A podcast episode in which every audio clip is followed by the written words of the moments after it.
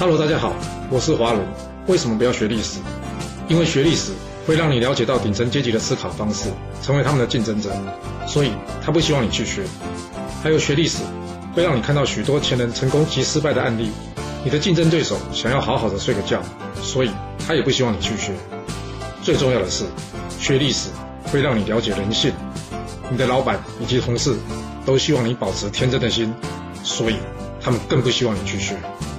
就是因为这些原因，接下来我要跟你说的是故事，而不是历史。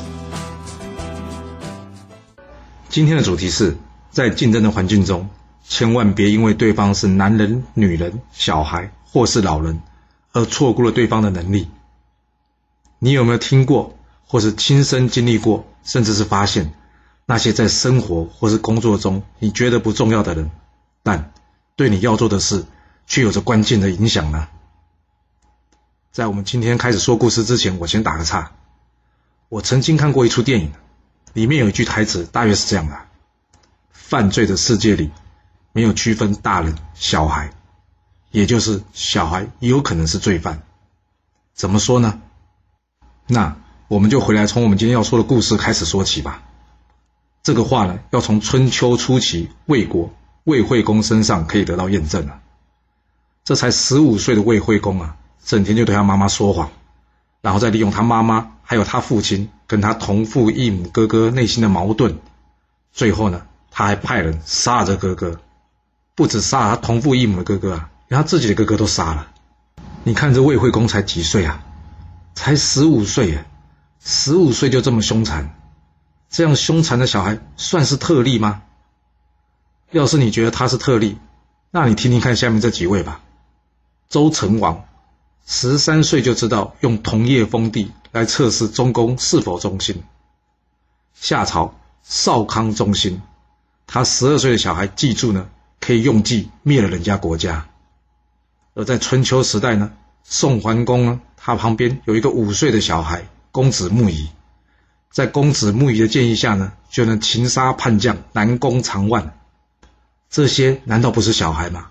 而且年纪一个比一个小哎，甚至远在日本的织田信长啊，也是从小，要是我没记错啊，是从九岁开始就想要解决掉他弟弟。所以，千万不要以为小孩都是天真无知的，有时候小孩的见解恐怕比大人更清楚呢。尤其是那些身在顶层阶级、看惯了人性斗争，或是彼此之间利益竞争很大的时候。千万不要因为他是小孩、女人、老人这些身份名词而影响你的判断力。除了这些人外，还有没有什么人是我们平常在工作场上很不在意，但是却很有可能影响你工作的人？就是那些爱聊八卦的同事了。尤其是呢，你觉得他们的工资或是职位不高的那一群人，爱聊八卦，就表示他怎么样？爱打听八卦。不然他拿什么来聊啊？而这些八卦呢，听着听着多了，人家就会半信半疑了。一般的人是没有那么多时间呢，去每件事情都求证的。所以呢，这些八卦最后会变成什么？变成流言，而流言呢，就变成别人对你的一种印象。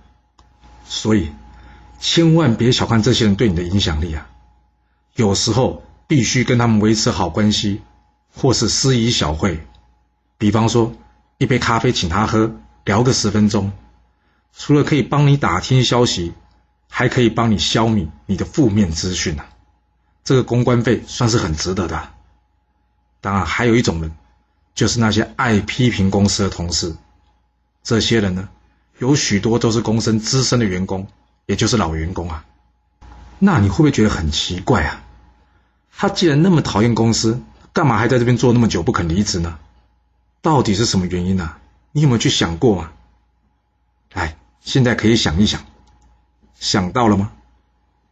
第一，他批评公司不好，是因为他希望你也觉得公司不好，早点走人，这样他就少了个竞争对手。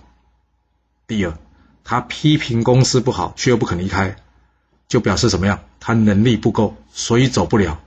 那这样的人判断，你要相信吗？第三个。他批评公司不好，是因为你的老板想透过他知道你对公司真实的看法。当然，也不排除一些整天爱抱怨的同事啦。所以，在公司多听少说，多建议少批评。要是有人呢告诉你，哎呀，这新的制度不好不好，你不要马上跟他搭腔，你可以请教他，啊，那要怎么做会比较好呢？这样的好处是一，你不用跟他一起批评公司；二，你可以借这个机会学习有没有更好的方案；还有三，要是他也说不出更好的方法，那你会知道，其实他的能力就是这样而已了。要知道啊，批评人家容易。但是给出正确能执行的方案才是真正的本领，所以下次千万不要以为这些看似无害或是没有能力的人对你不会有任何影响。所谓祸乱常发于忽为啊，就是这些坏事呢，都是因为一时疏忽或是从很微小地方开始的，你说是吧？好了，我们今天先说到这。如果你就是不听我的劝，想知道完整版的故事内容。你可以从说明栏找到我爱故事频道的连结。不过记住哦，你是来听故事的，而不是来学历史的。